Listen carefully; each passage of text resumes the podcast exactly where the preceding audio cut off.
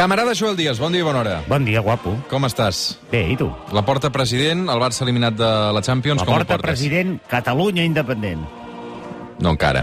Sí, home, tu deixa-li temps. Sí? Sí, home, és, Doncs- és el nostre alliberador nacional. Pren-t'ho amb calma, El nostre eh? Braveheart. Pre- Parem-te amb calma, perquè vaig passar una estona eh, per el directe que vau fer aquesta setmana, el dia de la Champions, quan Sí. el partit ja era un desastre i a la TDT Sí. Ja vaig veure que allò no ho remuntaríem després que Messi fallés el penal. Quan ja estaves fart de Bernat Soler, vas dir, vaig escoltar una altra cosa, no? I vaig veure vaig veure't tu eh, insultant pràcticament l'Englet. I... Sí, no pràcticament no. Sí, sí. Sense el pràcticament. Realment funciona això que feu, eh? Sí, el que passa que no sé per què, perquè al final són quatre tios Sí. mirant el futbol. El que passa és que hi ha, hi ha aquest punt de voyeurisme, no?, de, de veure què fa el Joel a casa, Mm. de dir, aquest punt de morbositat, no? Bueno, doncs endavant. Si això dona quartos... Vinga. Tenim moltes consultes perquè cada dia sou més també els que ens envieu consultes eh, pel comunista Joel Normal, Díaz. normal. Arroba el suplement a Twitter, suplement arroba catradio.cat. Si voleu fer les vostres consultes al consultori comunista, que cada dissabte a les 11 obrim el suplement. Uh, la primera ens la fa un uh, oient que es diu Francesca Tològica, de Barcelona. El correu comença dient, espero que llegiu aquesta consulta per en Joel, tot i que ja sé que les capes el filtre i només deixa passar consultes d'amics seus. El conec perquè vaig viure a Sabadell un temps i va per les botigues de Sabadell parlant amb la veu aquella que té «Wow, wow, wow, sóc el Rojó Oscopo i sóc un capullo». Sí. Mira, t'han retratat, eh? Bé, aquesta és la, la Francesca Tològica. Eh, sisplau, anem a la consulta. Segueixo la teva secció des de fa mesos. Joel, recordo les consultes que et va fer un oient donat a l'onanisme sobre categories del porno Sí? comunistes. Sí. Em sembla recordar que et va demanar pel fist fucking. Fist, fist. El, el fist. Fist fucking, eh, que consisteix a introduir el puny... A qualsevol Bé, no, no, és que aquí ja no... eh, És a dir, censuro aquesta part. Recordo que no et vas mostrar especialment partid... Eh, Dari. partidari de la indústria de la pornografia. Pots concentrar-te, Roger? No, és, és que Estàs tinc... llegint el WhatsApp o què? Aquesta setmana, però, hem sabut que un referent de l'esquerra progressista i d'unitat popular d'aquest país és partidari de l'escatologia japonesa i de les orgies. Uh Mhm. -huh. Serien acceptades aquestes dues modalitats de la pornografia pel col·lectiu comunista? Comercialitzar fins a i tot la merda que cagues és una sàtira sobre el capitalisme? Doncs mira, sí. Moltes gràcies que, que firma la Francesca Tològica. Suposo que es refereix a tot el sidral que hi ha hagut amb Antonio Baños, que, recordem, el van enganxar amb una captura de pantalla, no? Bueno, el van enganxar. Ell, ell va enganxar la captura de pantalla. Ell va enganxar una captura de pantalla on a les finestretes que tenia obertes Sí. amb Sí. tots els navegadors n'hi havia un parell que tenien a veure doncs, amb un parell de, de pàgines porno. Sí, que fort, eh? Uau. Bueno, Endavant, contesto? Francesca Tològica. Camarada Francesca, etològica, no és aquesta que em fas una pregunta fàcil, vale? perquè el hashtag cacagate és un tema delicat i no voldria fotre la pota. Per una banda, crec necessari mostrar la meva solidaritat infranquejable amb el senyor Antonio Baños contra lo jo no diria allau, sinó més aviat pluja fina d'atacs que ha rebut des del puritanisme i des de l'obtusitat mental, també des d'alguns companys de l'esquerra més inquisidora. Diguem que jo, en termes de masturbació, així com qualsevol altra cosa que afecti de ma piel pa dentro, que deia el Lichis de la cabra mecànica, sóc netament liberal i, per tant, gens intervencionista. I, per tant, em sembla lamentable riure's, atacar o provocar o provar de desprestigiar una persona en funció de les seves parafílies sexuals visuals. Però, per una altra banda, no sóc imbècil i sóc plenament conscient que si internet és capaç d'oferir avui en dia qualsevol parafília sexual visual imaginable, és precisament perquè existeix una xarxa d'explotació de dones obligades a realitzar aquesta mena de pràctiques davant d'una càmera perquè nosaltres, els homes, puguem masturbar-nos amb qualsevol bogeria que se'ns passi pel cap. I aquí és on entra la meva solució salomònica, homes de Catalunya. Masturbeu-vos en base a qualsevol cosa, qualsevol, però no consumiu porno. Treballeu la imaginació. Entreneu-la perquè sigui capaç de volar més enllà dels vostres límits ètics, higiènics i fins i tot biològics i ja veureu com, quan ho aconseguiu, la merda que teniu al cap serà molt millor que la del porno industrial. I per què parles només dels homes que es masturben? Vull dir que les dones també ho fan. Perquè les dones es masturben, i tant, i tant que sí, però mm, fan servir molt, però que molt, molt, molt menys eh, el porno industrial, entre altres coses perquè és un porno pensat per homes. Mhm. T'ha O sigui, tu ara ja no- Clar, o faig un No, no, m'ha quedat claríssim, eh? No sabia que també eres sexòleg. I el, el, la, és a dir, tu, tu ara, quan practiques l'onanisme, Sí. Ho fas sense, sense Tanco suport els ulls, audiovisual. penso en tu, a casa teva, amb la teva parella, Roger, Uh -huh. i, bueno, m'imagino que jo arribo allà vestit de botanero, no? I et sumes a la festa. i em sumo a la festa. Per exemple, és una fantasia que tinc. I final feliç o no? I tant, per mi.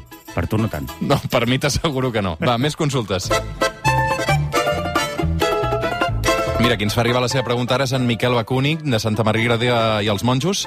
Ell és de la part dels monjos, diu. Vale. Hola, Joel, suposo que tu també estàs escandalitzat pel repartiment desigual de les vacunes contra la Covid que s'està fent a tot el món. Els països més rics se n'estan emportant la major part, els mediocres com nosaltres ens eh, trinquen menys, i final, en trinquem menys, i finalment els països pobres ni tan sols les eh, veiem passar. Ja sé que em diràs que al planeta comunista tots rebíem la vacuna més o menys al mateix temps, però la meva pregunta és, ja tindríem vacuna hores d'ara? O encara estaríem esperant que uns científics tan brillants com addictes al vodka uh -huh. la desenvolupessin? I un cop descoberta, les grans cooperatives es dedicarien a produir-la massivament sí. i el més ràpidament possible? Ja. O bé la falta de competència faria que hores d'ara s'haguessin vacunat entre 0 i 10 persones a tot el món? Bueno. Gràcies, firmat en Miquel Bacunin. Ja, Miquel Bacunin, jo no sóc adivino, vale? Dit això, eh, benvolgut, Tovarich, Miquel. No sé si estàs al cas... Ojo que ve una miqueta de turra, eh? eh Roger, pots I- aprofitar per inten- desconnectar. Sí, intentaré no desconnectar. No sé si estàs al cas d'un estat de la Índia que es diu Kerala. Kerala, juntament amb Bengal Occidental i Tripura, és un estat de forta tradició marxista des que el 1939 a la Índia s'hi va fundar el Partit Comunista amb la idea d'alliberar els camperols i obrers de l'esclavitud del feudalisme socioeconòmic basat en el sistema de castes que domina la Índia. Doncs bé, la resposta a la teva pregunta, amic, és Kerala. Kerala hi ha un govern eh, eh, format bàsicament per gent del Partit Comunista Marxista i és amb 34 milions d'habitants, una de les regions del món on s'ha fet front d'una manera més eficaç i efectiva al coronavirus sense necessitat de grans pressupostos ni posicions privilegiades al mercat de les vacunes.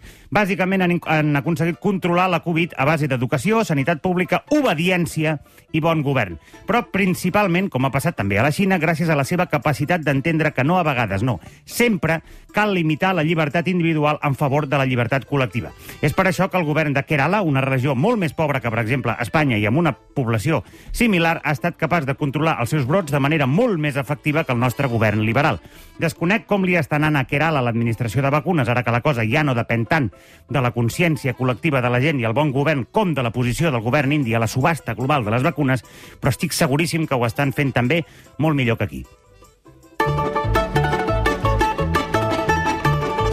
Tercera consulta ens l'envia un oient a través d'una nota de veu. És una persona que viu amb la seva parella, sembla que li va bé, però de vegades, diu, sorgeixen petits entrebancs, coses de la convivència. normal. El títol d'aquesta persona que ens escriu és Alfons Parrús. Hola, Joel. Felicitats pel programa, maco. Mira, veuràs que faig una veu d'en constipat, però no és coronavirus. Així que, en principi, tots tranquils. Vale. Mira, jo trucava perquè tinc un problema amb la meva parella. Ja sé que no hauria de fer servir el possessiu meva per referir-me a la meva parella, però ja m'entens. Vale, Bàsicament és la senyora amb la qual ens follem mútuament. sí. Uh, el cas és que ara feia dies que no anàvem al restaurant pel tema de la pandèmia, però Mhm. l'altre dia hi vam anar Mhm. molt bé tot, fins que vam arribar a les postres i vaig recordar de cop i volta una de les coses que més ràbia em fot d'ella, i és que no demana postres. Oh, Però sí que demana al cambrer una segona Oh! cullereta per fotre una cullerada al meu tiramisú. No et pots imaginar fins a quin punt m'irrita Joel. Sí Jo que sempre li dic amb molt sí. Carinyo, si vols un tiramisú demana't el teu. I ell em sol respondre coses com si tan comunista ets, segur que pots col·lectivitzar les postres Lenin de pacotilla. En fi, a veure si em pots ajudar. No creus que el comunisme seria que cadascú tingués el seu tiramisú i no pas que n'haguessin de compartir un entre tots? Sóc un egoista per no voler compartir un aliment pensat per satisfer la gana d'un sol comensal? Merci, tio. aquesta és la consulta que ens ha fet arribar aquesta setmana l'Alfons Parrús. Endavant, Joel. Deixa'm dir que jo aquest tipus de gent també eh, odi etern. Estem en el mateix barco, tots plegats. No, Alfons, carinyo meu, no ets ni un egoista ni un mal comunista i deixa'm dir-te que no estàs sol. Són molts els homes afectats pel fenomen del que jo anomeno la parella extractiva.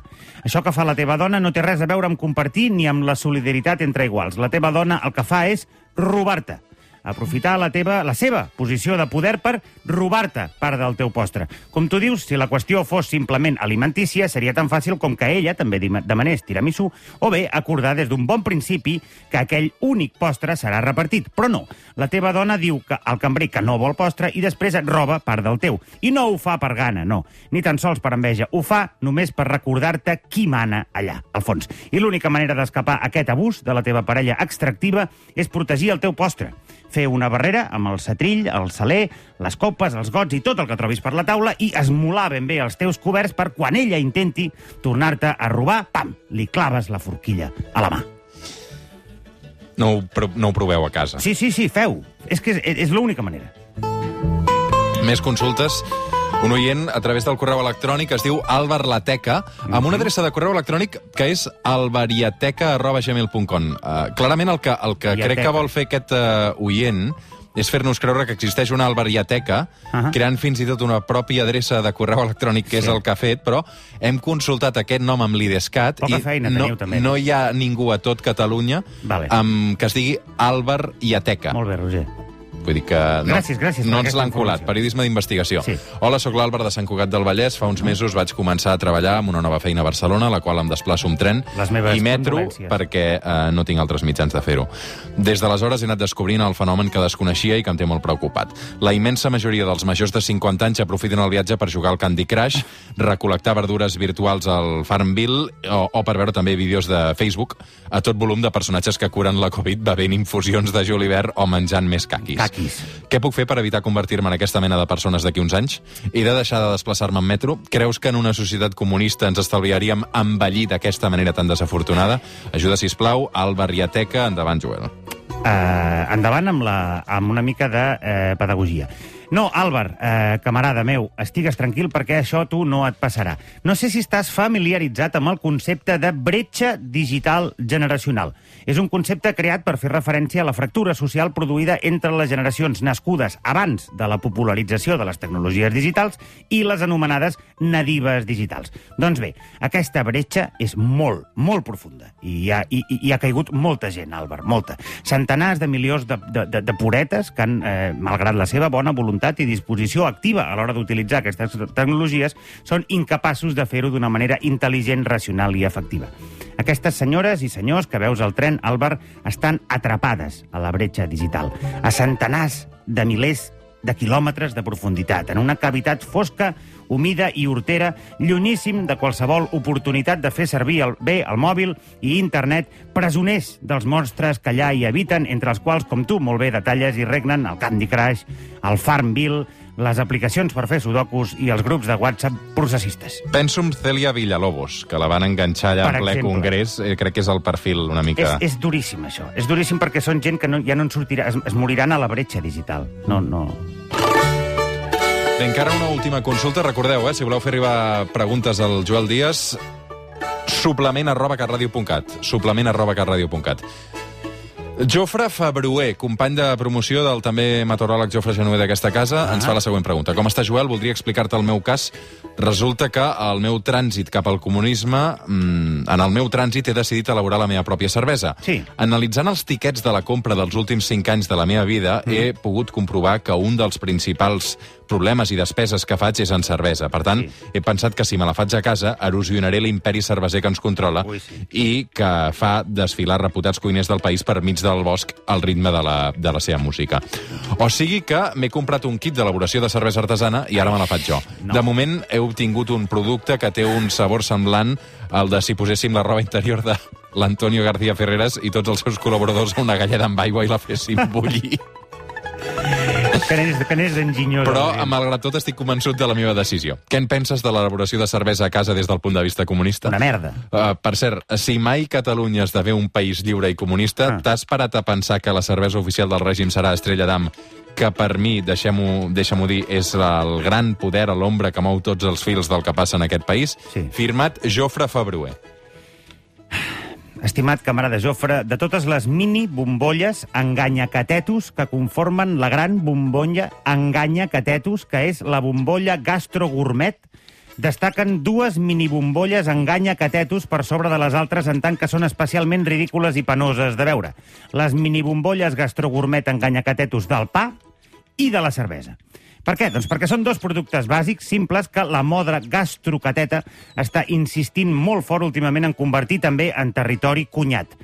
Com diu l'amic Iturriaga, del comidista, gourmetitzar productes bàsics no és el camí per aconseguir una major sapiència gastronòmica, sinó precisament el reflex d'una manca de cultura que ens porta a actuar com a nous rics i a fer-nos els ciberites amb un producte que, i això ho sap qualsevol paladar de bevedor mínimament educat, és l'equivalent líquid del pa, en termes de simplicitat. Aviam, per una bona IPA n'hi ha 300 d'imbebibles. Per una cervesa, eh, cerveseria artesana bona n'hi ha 300 que són el negoci absurd d'un pijo que no sap què fer amb els diners. I per cada suposat expert en lúpul n'hi ha 300 que literalment no sabrien distingir una lager bel- belga del seu propi primer pixat del dia. N'estic fartíssim de la cervesa artesana, amic Jofre, i encara més dels seus aficionats. Cervesa artesana. Que són dolentes, tu. Vale, vale. És el... Ah, de convidat, no? A l'altra banda del telèfon, una persona molt coneguda, Molt. reputada, Reputada. la identitat del qual Joel Díaz, el comunista, desconeix, també tota l'audiència, només sabem qui és, l'equip del suplement de Catalunya Ràdio. Aquesta persona només pot respondre preguntes de sí i no i podeu ajudar el Joel arroba el suplement a Twitter. Arroba el suplement a Twitter. Aquesta persona ja ens està sentint. Endavant, Joel. Bon dia, no contestis, és, és un plaer tenir-te entre... Bueno, és un plaer, no ho sé, és un plaer de Schrödinger, una mica, no? Um, eh, bon, bon dia, en tot cas, eh, ets una dona? Sí, Oi, que bé. Ah, bueno, no riguis perquè això també pot ser una pista. Ara ja sé que ets risuenya. Ets una dona major de 40 anys? mm, lamentablemente sí. Eh, Només, si plau, només eh, respostes de sí i no. Eh, que, que- és a dir, només fem servir monosíl·labs, Perdó. sisplau. Entens el català perfectament? Sí, Ets eh, major de 50 anys? sí. Ets major de 60 anys? Basta ya. Sí, Vale. Et plantes aquí, Em Joel. planto aquí. Sí. Em planto aquí. Ets nascuda a Catalunya? sí, Eh, ets nascuda a Barcelona? sí, Vius a Barcelona? sí. Et consideres una persona mediàtica? Am, bueno, mm, supongo que sí. Aviam, si tu, abans de la pandèmia, et donaves una volta per les Rambles de Barcelona, és molt probable que et parés algú i et digués ah, tu, et conec, no sé què. Hombre, hay muchos extranjeros. En... A veure, un, Ay, un, ay, un, un, només sí No, i aquesta no. senyora no ha entès, Sí i no. no ha entès. Sí i no. Sí i no, sisplau. Després xerrarem. Després podrem xerrar, Vale. explicar-nos Sí, les no. vides i fer-nos preguntes. Vale. Sí, la resposta és sí. És a dir, això que Sí. et passa a tu, que ara passeges per la Rambla No, jo no i et ve un grup de senyors o senyores i et diuen escolta'm, Joel, t'he vist a la tele, t'he sentit al suplement, fem-nos una selfie. Sí. A ella ja li A, passa a, des de ella, fa molt a ella ja li passa des de fa molt Anem temps. a veure eh? per què et passa, no? Perquè ja sé per què fas la pregunta, perquè, Vale. bueno, entonces que d'allò també s'ha pujat una Pots- mica. Pots callar un moment, Roger, sisplau? Gràcies. Endavant. Aviam, eh, ets una persona nascuda a Barcelona, major de 60 anys, aquí té pares... Vale, et dediques al món de la cultura? Formes part d'aquest sector econòmic? Vale. Vale, vale, ja m'ho semblava, per aquest desparpajo que tens, no? Um, que et dediques a escriure? Sí, Collons. Collons, estic encertant avui. Ets escriptora? Ets escriptora? Sí. Ets escriptora. sí, Escrius articles? sí, Ai, que el Joel ja sap qui és. Escrius llibres? sí, Escrius en castellà? sí, Escrius en un mitjà català? sí. Escrius en algun mitjà espanyol, també? Ah, ahora no. A veure, no juguis al gat i la rata, Joel, perquè ja saps que si ho saps, el que més... És que no sé qui és, és que no sé qui és. No saps qui és? Ah, No. no sé qui No. és. Em pensava que sí que sabies qui era. Vale, vale. Pensaba que era muy famosa, pero bueno. Hòstia! No pot ser. Digues, no ho sé. No, no, no, però... No, bueno, no perquè no em quadra gens que sigui de Barcelona. Ah, no ho sé, no ho sé, no ho sé. És, eh, puc dir-te... No, no. Bueno, no, seguim, seguim, seguim. Seguim, seguim. Tu, tu et consideres una persona pija? No, Vale. Amb qui pensaves? Amb la Carmen Lomana. Prova-ho. Ets la Carmen Lomana? no. Ah, vale. Et t'ho juro que per un moment, ara no t'ofenguis, la veu m'ha semblat la Carmen Lomana. Mm -hmm. Vale, segueixo, vale? I tant. Surts per la tele habitualment? Mm, bueno, sí, Et fan fer de tertuliana, a vegades? Mm, sí. de tertuliana, eh? Mm, eh sí. Per aquí, per Catalunya Ràdio, apareixes eh, periòdicament? Uh, De tant en tant. veces. Sí. A Twitter tothom sap qui és, menys tu, eh, Joel? Vull dir que estàs fent el ridícul, crec. Va, que et faré una pista. Ets monàrquica? Bueno, no. Ah!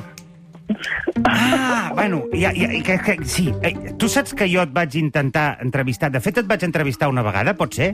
Que te'n recordis, d'això? És una pregunta una mica estranya.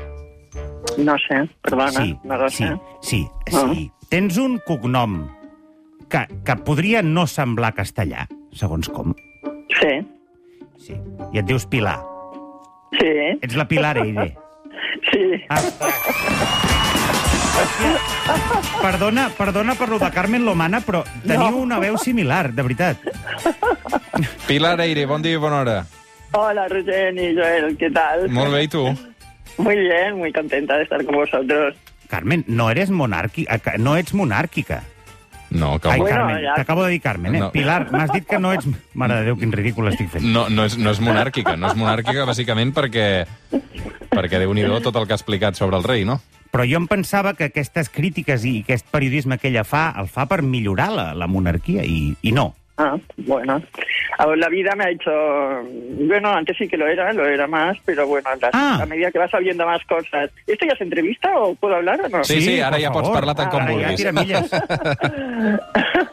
No, bueno, pues eh, la verdad es que a medida que vas sabiendo más cosas, ellos también van haciendo más cosas, eh, pues te vas volviendo pues eh, más fría respecto a la institución, esto es verdad. Sí, però pensa que... Jo et preguntava si eres monàrquica en general, no partidària dels Borbons en concret, que són, diguéssim, un, un gènere de monarquia una mica cutre, diguéssim, no? O sigui, Mm, jo et preguntava per les monarquies en general, si tu creus en aquesta forma de... Hombre, si son útiles, lo que dice todo el mundo, te voy a contestar con una frase comodín, si son útiles, como parece ser que en algunos países lo son, En què països? cada vez, cada vez menos, porque mira en Inglaterra todo lo que está pasando. Per això t'anava a dir. Pero, pero bueno, en Inglaterra, por ejemplo, este movimiento que nosotros creemos antimonárquico y republicano son 0,00,1. Es decir, que nosotros eh, le damos mucha, eh, mucha vamos, lo, lo- lo publicitamos mucho pues porque nos hace gracia, pero la verdad es que yo creo que el 99% de los ingleses es partidario de la monarquía.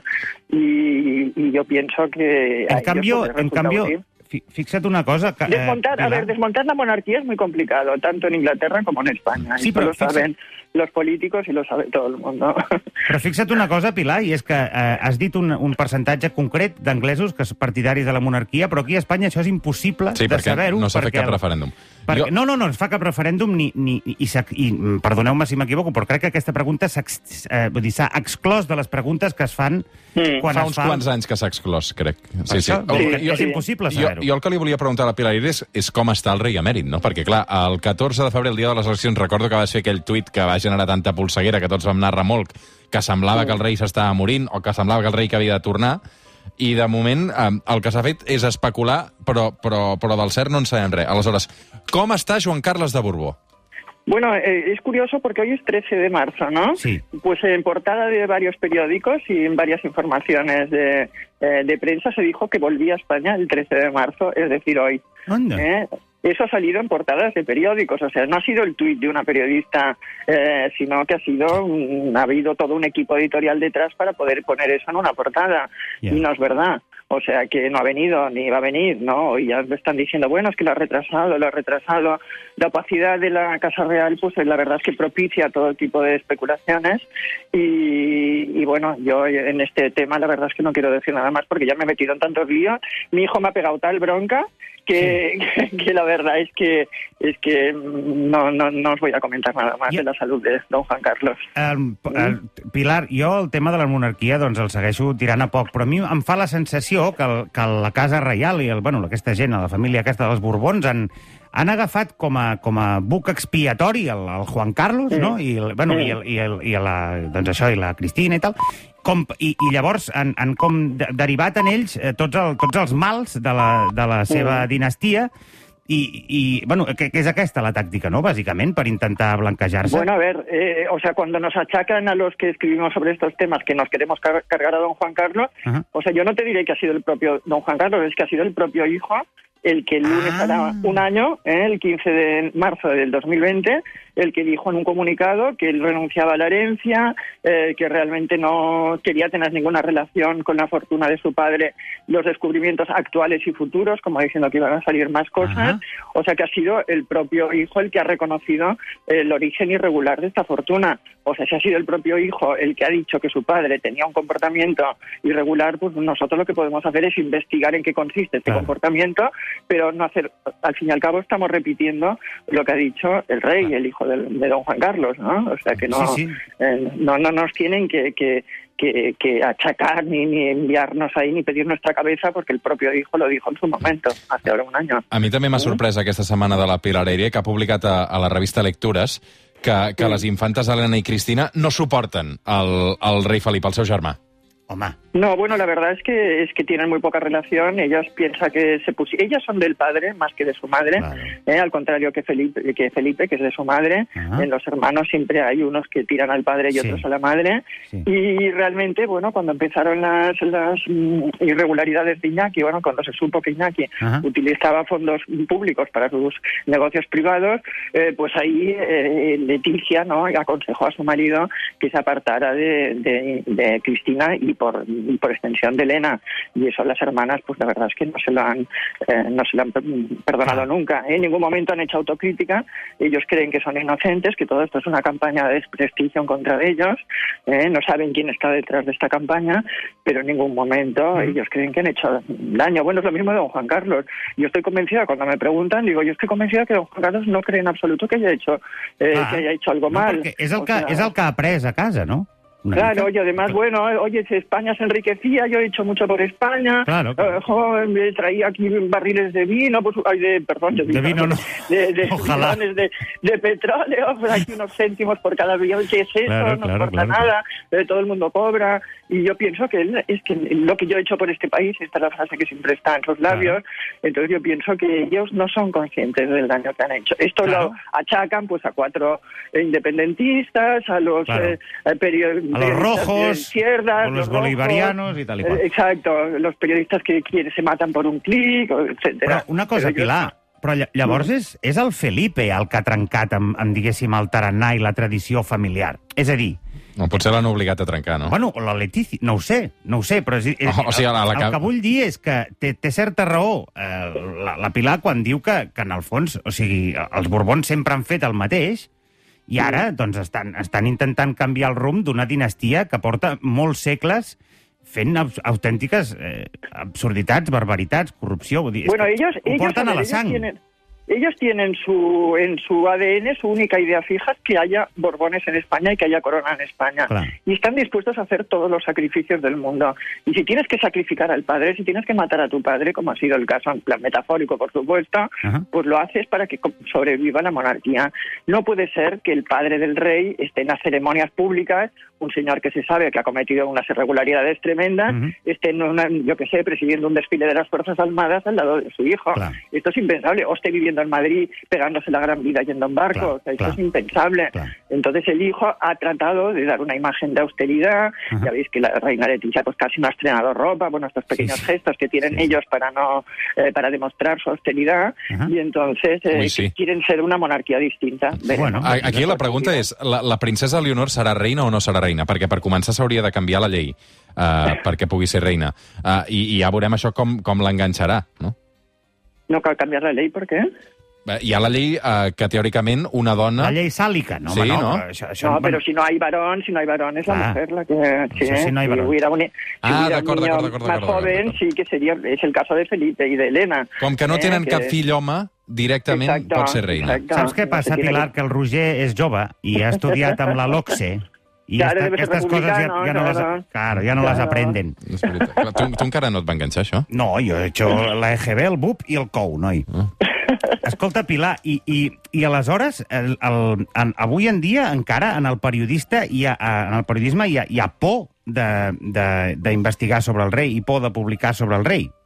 Sí, sí, hombre, tanto. I, i, i, i com és que encara tenen aquest poder? És a dir, com és que, per exemple, el PSOE encara té por de la, de la monarquia i encara no s'atreveix a posicionar-s'hi clarament en contra? Bueno, mira, hay una frase de Basile, que, de Pablo Basile, el capo, el gran jefe de Telecinco, eh, que yo lo recuerdo que lo ha dicho varias veces, que ha dicho ojalá eh, Moncloa nos avisara, nos llamara tan pocas veces como nos llama Casa Real. O Hòstia. sea, a la que hay cualquier tipo de... eh, bueno, yo misma pues también he recibido llamadas y he recibido presiones también por mis artículos o por mis libros. ¿eh? y tienen poder, tú sabes, ahí funciona la autocensura, tú sabes hasta dónde puedes llegar en programas de televisión o en programas de radio o, o en tus propios escritos, o sea, no, no puedes ir más allá porque sabes que hay, hay una línea roja que no puedes Sí. traspasar. Bueno, Hombre, que, si- si que Madrid, Dios- a Madrid és, és pitjor que aquí, eh? Em sembla que aquí hi ha un... Bueno, porque mica- claro, aquí en Cataluña tenemos la impresión de que, de que toda España es antimonárquica. ¿eh? Creo Ah. que el sentimiento antimonárquico en Cataluña es, es especial, pero en el resto de España hay muchísimos monárquicos. Tú vas a Sí, sí, Sevilla o vas a Madrid, hablas del rey y están orgullosísimos y para ellos es Dios. O sea que hay mucha gente eh, que la apoya y no solamente gente mayor, sino también gente joven. O sea que, que yo no sé si hubiera un referéndum, no tengo muy claro eh, que ganaría, la verdad. Estaria bé poder-ho No saber. ho sé. Avui el comunista amb el Joel Díaz, Pilar Eire. Moltes, moltes gràcies per atendre'ns. Una abraçada ben forta. Encantada. I Una gràcies abraçada. també al Joel Díaz en aquest matí de dissabte per acompanyar-nos un dia més. Ja sabeu que podeu recuperar aquest espai amb totes les consultes arroba el suplement a Twitter, Instagram, eh, catradio.cat barra el suplement. Joel, cuida't. Tu també.